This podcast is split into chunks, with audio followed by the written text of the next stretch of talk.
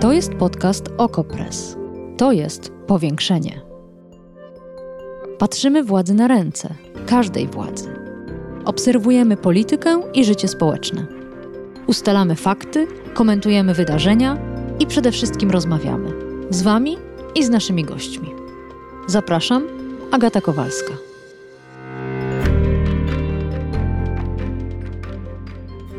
Gościem powiększenia jest pani Agnieszka Holland, reżyserka. Dzień dobry. Dzień dobry Pani Agato, dzień dobry Państwu, którzy nas słuchają. Patrzcie na to, co tu się dzieje. To lekcja poglądowa, jak możliwy był faszyzm, jak możliwe było jedwabne, jak zwykli ludzie mogą skwapliwie godzić się na mord.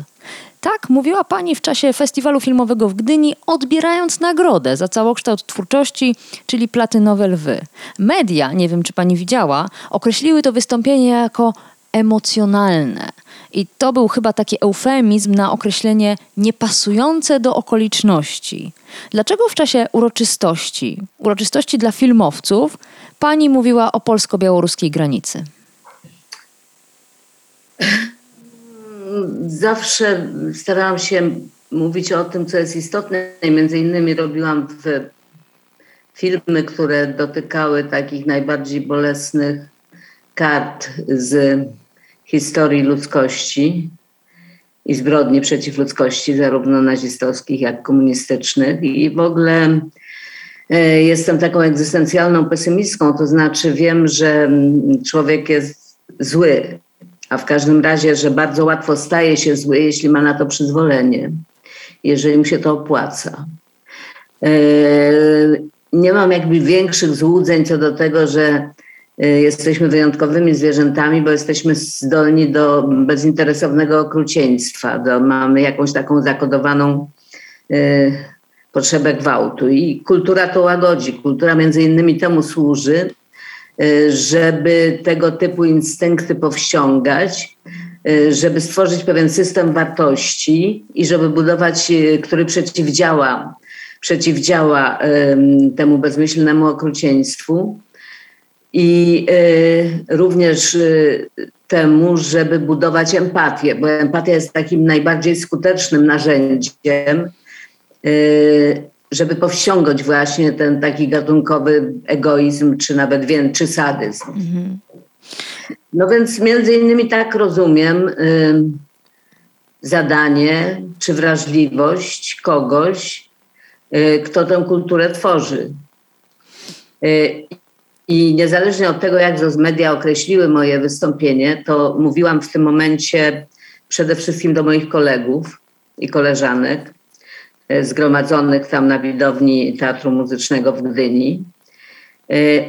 I mówiłam do nich, że dlatego, że miałam silne poczucie, że byłoby jakimś wielkim zaniechaniem nie powiedzieć o tym w tym momencie, kiedy w naszym kraju, na granicach, przy granicach tego kraju, z zakneblowanymi mediami i odsuniętymi od działania mm, instytucjami pomocowymi czy medycznymi, dzieje się jakiegoś rodzaju zbrodnia. Mm. Bo skazywanie na mm, śmierć zimna, głodu, wycieńczenia mm, niewinnych ludzi, a nawet może winnych ludzi, torturowanie y, dzieci i, y, y, i kobiet, to już jest zbrodnia, na którą są paragrafy.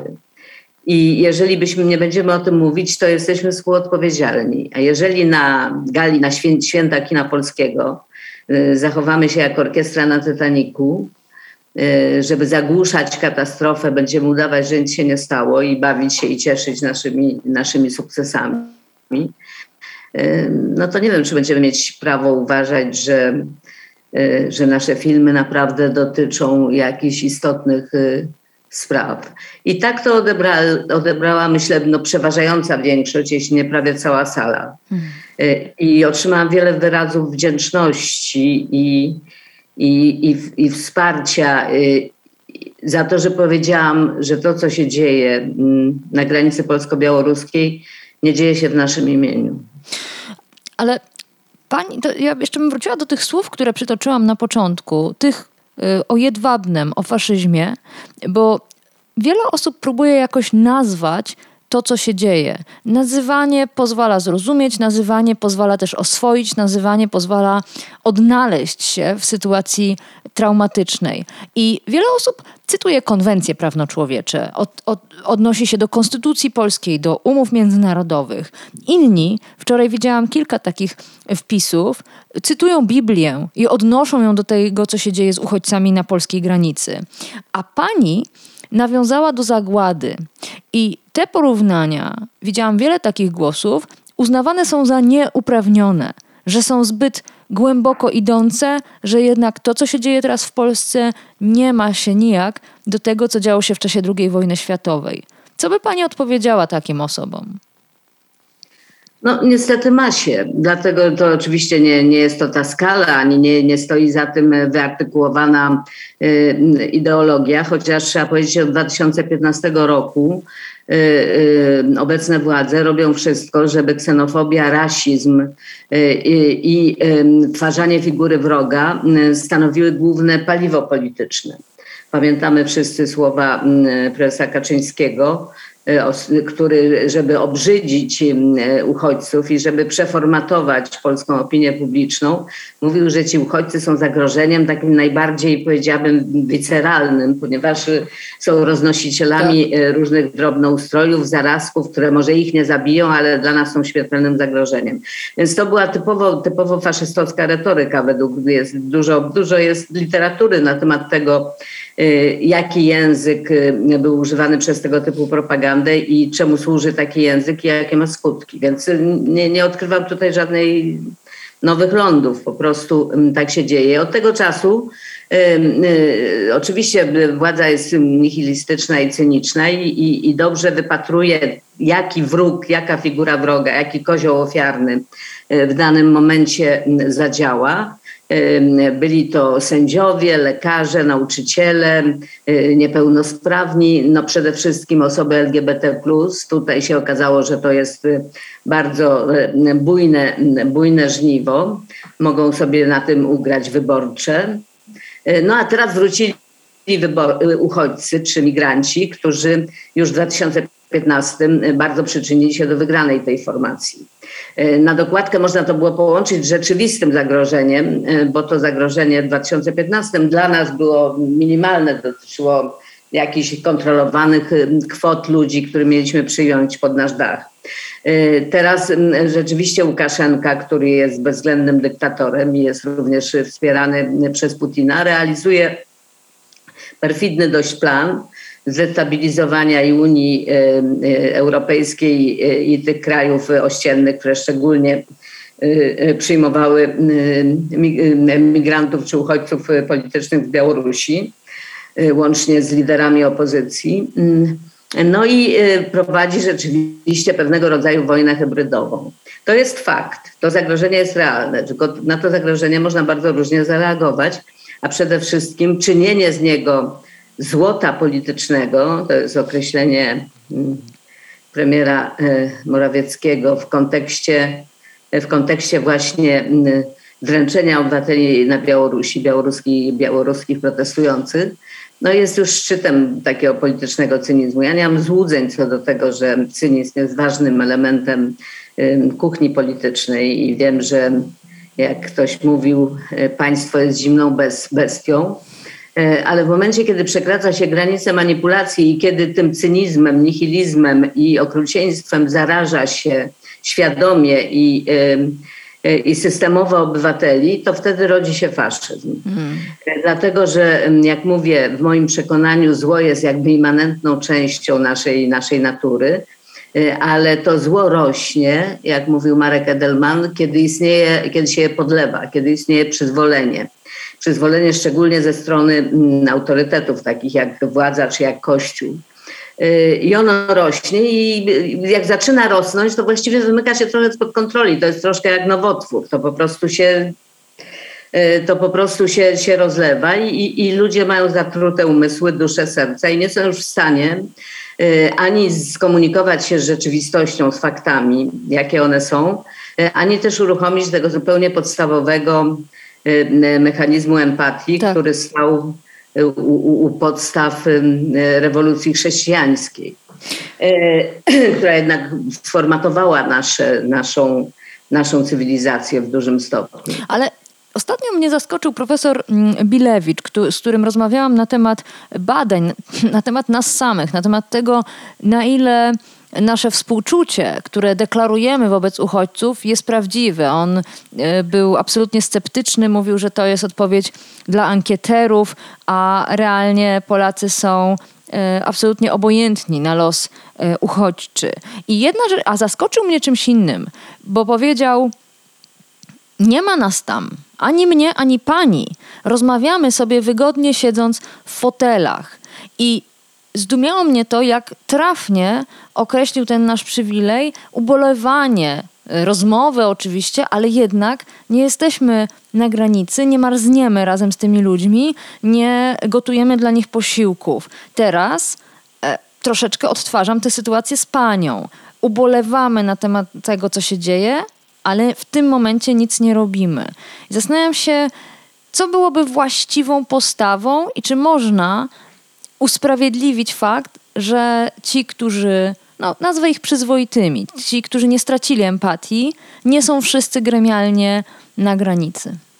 Nie, w pewnym sensie nie można, ale mhm. wypróbowaliśmy w ciągu tych ostatnich sześciu lat, y, kiedy powstawało szereg powodów do tego, że do masowych protestów, e, że te protesty nie były masowe, a w każdym razie nie na skalę adekwatną do, do, do, do powodu. E, I również, że się łatwo wypalały i że władzy zastosowała podobną zresztą taktykę jak Łukaszenka, to znaczy przeczekiwała je, wiedząc, że ma stabilną większość. I, i Została w tej, w tej chwili tak naprawdę garstka aktywistów, którzy zresztą są wypaleni, wymordowani, którzy płacą zdrowiem i stresem posttraumatycznym za, za te lata, kiedy właśnie protestują chociażby przeciwko y, rosnącemu faszyzmowi. Y, czy neofaszyzmowi, czy jak to nazwać, używam pojęcia faszyzm, ponieważ y, wiele cech zachowań takiej narodowo-populistycznej władzy się posługuje podobnymi bardzo metodami i prowadzi do, obawiam się, do podobnych skutków.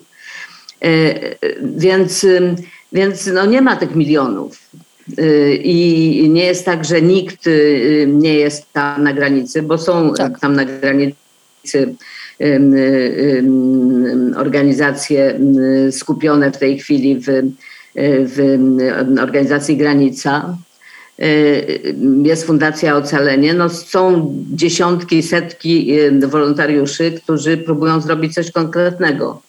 Y, mam przyjaciółkę, która mieszka w tej strefie, w strefie śmierci, można powiedzieć, w tym trzykilometrowym pasie przygranicznym. No i ona w nocy chodzi z wyładowanymi mm, plecakami i, i i, i, i, stara się pomóc tym, na których udaje się natrafić. No, robi się takie rzeczy. Władza wyrwała nam, że tak powiem, odebrała nam możliwość narzędzia po prostu, y, żeby robić to, co należy do, do, do, do przyzwoitych ludzi. Jest grupa medyków, y, którzy zgłosili się do tego, że zorganizują karetki i pomoc taką ratunkową właśnie na tych terenach. Y, zupełnie apolitycznie, po prostu, że, że ich jakby etyka zawodowa nie pozwala im pasywnie y, patrzeć na to, co się dzieje, a mamy wiedzę, że ta pomoc jest udzielana niedostatecznie, co najmniej, a, a często odmawiana. Y, I nie wpuszczono ich, ich tam. Zarząd Polskiego Czerwonego Krzyża został w jakiś sposób dziwny, skorumpowany i twierdzi, że działalność Czerwonego Krzyża na tych terenach byłaby niezgodna z prawem. Uznając za prawo, bezprawne prawo, które wprowadził zarządzenie, które wprowadził PiS, po to właśnie, żeby, żeby mieć pełną kontrolę nad tym, co się tam dzieje i grać życiem ludzkim do woli, a przede wszystkim nie mieć przekazu, nie mieć przekazu medialnego, którego by nie kontrolowali.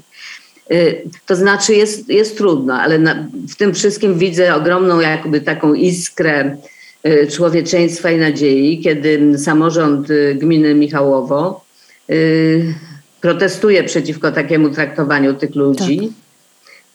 I co więcej, organizuje w remizie strażackiej miejsce, w którym uchodźcy mogą się ogrzać, przespać, zostaną nakarmieni, ubrani i tak dalej. Ale uderzyło to, mnie to dziś... jest coś bardzo konkretnego i wychodzi to od właśnie tych, w których imieniu jakby tego suwerena czy narodu i tych, którzy są blisko, wypowiada się ta obrzydliwa propaganda rządowa.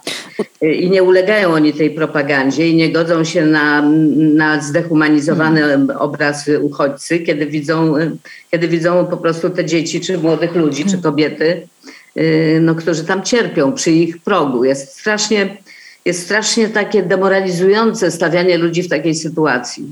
Jest strasznie demoralizujące stawianie w takiej, takiej sytuacji Straży Granicznej co będzie, kim się stanie taki strażnik, który musi zawlec do ciężarówki i potem wywieźć e, do zimnego lasu kilkuletnie dzieci i zostawić tam na możliwą śmierć, a na pewno na cierpienie i strach. No, ja nie mogę o tym spokojnie mówić rzeczywiście. I myślę również o tym strażniku, dlatego kiedy mówiłam Y, na, w Gdyni. Mówiłam z perspektywy kogoś, kto zajmował się takimi tematami przez lata i kto nie tylko się zajmował czytając czy oglądając jakieś zdjęcia, czy dokumentując to, ale inscenizując takie sytuacje. To znaczy wiem jak to wygląda, wiem co się mówi aktorom, żeby to wyglądało prawdziwie. Wiem, w jakich rolach obsadziłam niektórych ludzi i też wiem, że oni często mieli z tego powodu no, trudności psychiczne. Nie jest łatwo grać takie rzeczy, a co dopiero robić je w życiu rzeczywistym. Tak. Jest taki czeski film z lat 60., który jest dla mnie jednym z najważniejszych filmów, zresztą nie tylko dla mnie, bo Jerzy Skolimowski y, jak y, kręcił swój film o uciekinierze w mazurskich lasach y, Extension Killing, też się wzorował na tym filmie. Jest to czarno-biały film, niemal bez słowa, pokazujący uciekających przez las z transportu dwóch młodych y, Żydów, y, którzy kiedy napotykają na ludzi miejscowych, to tamci się boją i kiedy wyrywają kobiecie chleb, to ona zawiadamia innych i wkrótce zbiera się miejscowych staruszków, bo młodzi są na froncie, y, drużyna ze strzelbami zaczynają polować na tych chłopców jak ja to opowiadam, to to może brzmi tak banalnie, ale akurat ten film jest jednym z naj y, artystycznie najmocniejszych obrazów y, tego doświadczenia. I y, mam te obrazy w głowie, kiedy wyobrażam sobie tych młodych, bosych Kongijczyków, których udało nam się zobaczyć dzięki temu, że reporter BBC ich nakręcił gdyby, jeżeli mam do kogoś pretensje, jeżeli ktoś nie wykonuje naprawdę swojego mm, zawodu, e, myślę, to jest, są polscy dziennikarze, którym udawało się przedostawać e, do krajów objętych wojną, egzotycznych, natomiast nie są w stanie jakoś, jakoś tak zrobić, żeby sfotografować to, co sfotografowane ma prawdziwy wpływ na opinię publiczną. To ja tylko to znaczy... zaprotestuję. Y, garstka wciąż działa. Są to między innymi dziennikarze y, Gazety Wyborczej i również Okopres. Fotografujemy, relacjonujemy cały czas, y, więc no, może ja nie wszyscy, ale wciąż ja... są tacy, którzy to robią. Ja wiem, Okopres i Gazeta Wyborcza tutaj są rzeczywiście, szczególnie Okopres, bo Okopres jest tam wszędzie tam, gdzie, gdzie gdzie dzieje się no, granda to od początku i mam ogromny szacunek i podziw. No ale nie dysponujecie takimi środkami, jak dysponują duże stacje telewizyjne, prawda? Tak samo jak Grupa Granica nie dysponuje takimi środkami jak PCK, ale robi swoje. Ale kiedy pani mówiła o... Chciałabym, żeby to brzmiało jako oskarżenie tych, którzy coś robią. Kieruję się do tych, którzy mogliby mm. robić, a nie robią. Tak. Y, nie, nie mam pretensji do grupy Granica, że nie jest ogromną organizacją y, dysponującą chociażby ogrzewanymi domami tymczasowymi, prawda? Tak. Y, mam pretensje do PCK, że mając takie środki nie ratuje ludzi. Mówiła Pani e, wcześniej o tym, że ludziom brakuje energii, że są wyczerpani. Tym, którym, którzy protestowali, tym, którzy wciąż coś robią. Pomyślałam, że jednym ze źródeł energii mogłoby być wsparcie nie dużej stacji telewizyjnej, tylko dużej partii opozycyjnej. Myślę oczywiście o Koalicji Obywatelskiej, o Platformie Obywatelskiej. E, ona e, sama w sobie uzyskała zastrzyk energii, kiedy powrócił do Polski Donald Tusk. Ale wydaje się, nie stanowi wsparcia dla tych, którzy walczą o, e, o uchodźców na granicy. Znalazłam dwa fragmenty wypowiedzi Donalda Tuska, które proszę pozwolić, że e, zastosuję jako pewnego rodzaju przykład. Mamy ich więcej, wystarczy zajrzeć na łamy Okopres. Tam wypowiedzi polityków opozycji e, mamy sporo, zebrała je Agata Szczęśniak. Ale wracając do Donalda Tuska. W 2018 roku przemawiał on na szczycie Europejskiej Partii Ludowej w Helsinkach i powiedział tak – nie zgadzamy się z argumentacją, że skuteczna obrona granic czy tożsamości musi oznaczać łamanie zasad demokratycznego państwa. Jeśli nie wspierasz wolności prasy, niezależności NGO-sów, jeśli tolerujesz ksenofobię, homofobię, nacjonalizm i antysemityzm, to nie jesteś chadekiem. Jeśli stawiasz państwo lub naród ponad wolnością i godnością jednostki, to nie jesteś chadekiem. Trzy lata później, już w kraju, na konwencji Platformy Obywatelskiej, ten sam Donald Tusk powiedział: Rzadko się zdarza, żeby była taka zgodność w tym, co mam w sercu, w umyśle i co wynika z badań. Otóż Polacy, kiedy pada słowo granica, terytorium, państwo polskie, trzymają kciuki za swoją Straż Graniczną i za żołnierzy. Istnieje coś takiego jak katalog pierwszych potrzeb, takich dziesięć przykazań dojrzałej, prawdziwej polityki. Pamiętajcie, zawsze na pierwszym miejscu polityk odpowiedzialny jest za bezpieczeństwo obywateli, ich wolność, bezpieczeństwo i niepodległość swojego państwa. Nie było inaczej i nie będzie inaczej. I jak mówię, to jest tylko przykład. Jak zrozumieć postawę części partii opozycyjnej? E, to jest bardzo proste. Donald Tusk jest politykiem i jest koniunkturalny opłaciło mu się wygłaszać takie piękne słowa w momencie, kiedy nie ponosił za to żadnej politycznej odpowiedzialności. W momencie, kiedy przejął odpowiedzialność za główną partię opozycyjną, wczytuje się w sondaże i widzi, że to się nie opłaca, więc zmienia język na inny, e, pełen patosu i pięknych słów język. W tym momencie pozbawia się wiarygodności, liczy, że uda się jak gdyby przebić e, w ten sposób e, Prawo i Sprawiedliwość i niejako e, rozbroić tę minę, którą Prawo i Sprawiedliwość w postaci właśnie sytuacji nagranicznej nastawiło na całą opozycję. Ponieważ ta propaganda pseudopatriotyczna i taka wojenna okazuje się skuteczna, E, w związku z tym opozycja boi się, że jeżeli będzie mówiła coś, co może być uznane za atak na funkcjonariuszy albo niedostateczną troskę co do obrony granic, no to w tym momencie jak gdyby słupki polecą w dół. Być może polecą, a może nie polecą. E, trudno powiedzieć, ponieważ e, ta polska opozycja nigdy nie podjęła takiego challenge'u. Nigdy nie znalazła tak mocnych i zasadniczych słów, żeby móc otworzyć wśród ludzi wahających się jakieś, jakąś, jakąś możliwość dobra. Ciągle wszyscy grają na najniższych instynktach, niektórzy aktywnie jak PiS, a inni tak przez zaniechanie, czy przez właśnie oportunizm, jak Y, y, jak Donald Tusk i politycy, y, główni politycy Platformy Obywatelskiej. Ja spotkałam się z jednym z nich przypadkiem wracając z Gdyni. On mnie pytał, co się tam działo. Ja mniej więcej powiedziałam. On mówił, powiedział, że właśnie wraca z, ze spotkania liberałów, dając do zrozumienia, że to była jakaś narada wojenna. No i kiedy powiedziałam mu, że dziwi mnie ich milczenie albo, albo taka podwójna mowa piłacka, hmm. Y, y, to on powiedział, każdy ma swoją rolę do, za, y, do zagrania, wy jesteście od dawania świadectwa, my jesteśmy od wygrywania wyborów. Muszę pani powiedzieć, że gdyby dzięki temu udało im się wygrać wybory, to mo, nie wiem, czy mi do końca wybaczyła, ale powiedziałam ok, opłacało się. Dlatego, że cokolwiek by było po PiSie, to na pewno nie będzie to tak tak degradujące, tak nieudolne, tak, tak nieludzkie, tak bezprawne. Ale, ale ja myślę, że, że, że, że, że oni grają przeciwko wygraniu wyborów że w gruncie rzeczy y, demobilizując y, tę jednak ogromną część społeczeństwa, która, która chce się zgromadzić wokół jakichś wartości, dla której to, co się dzieje, jest ogromnym dyskomfortem co najmniej, dla niektórych bardziej wrażliwych wręcz cierpieniem, czują się osieroceni, nie mają, nie mają żadnej reprezentacji. Znaczy jest lewica.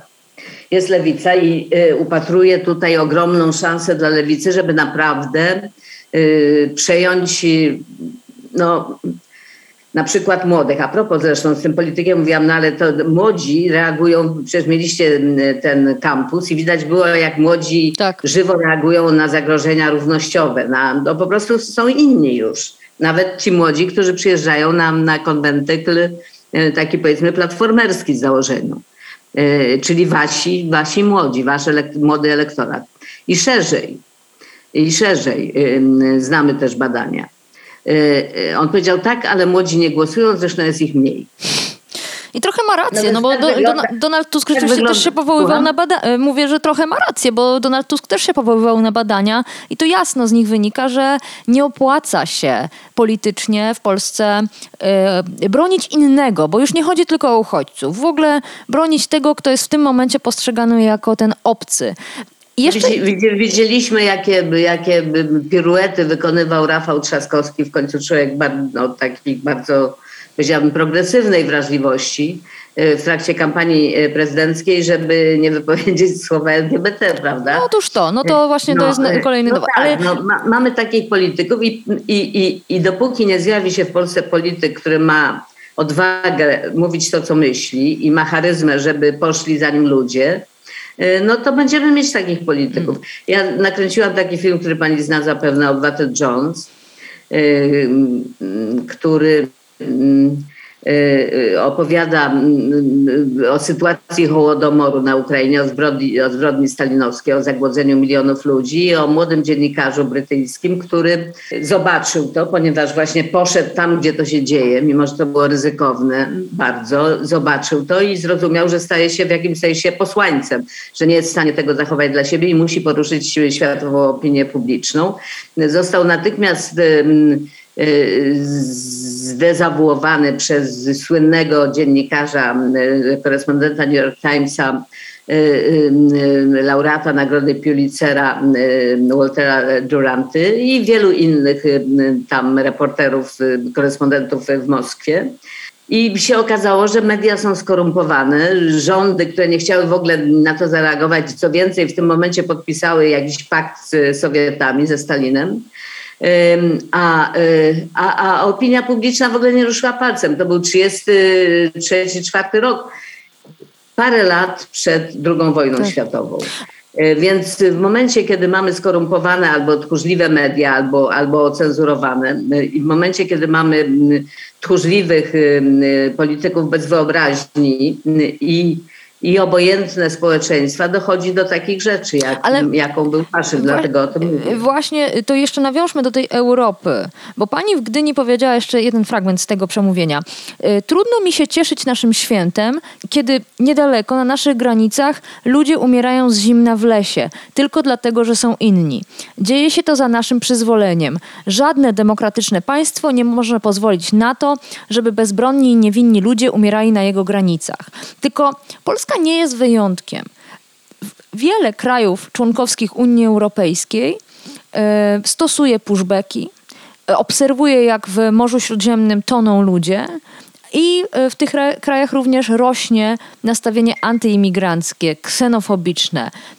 Nie wydaje się, żeby nas coś wyjątkowo odróżniało od postaw we Francji, Hiszpanii, Grecji, Niemczech.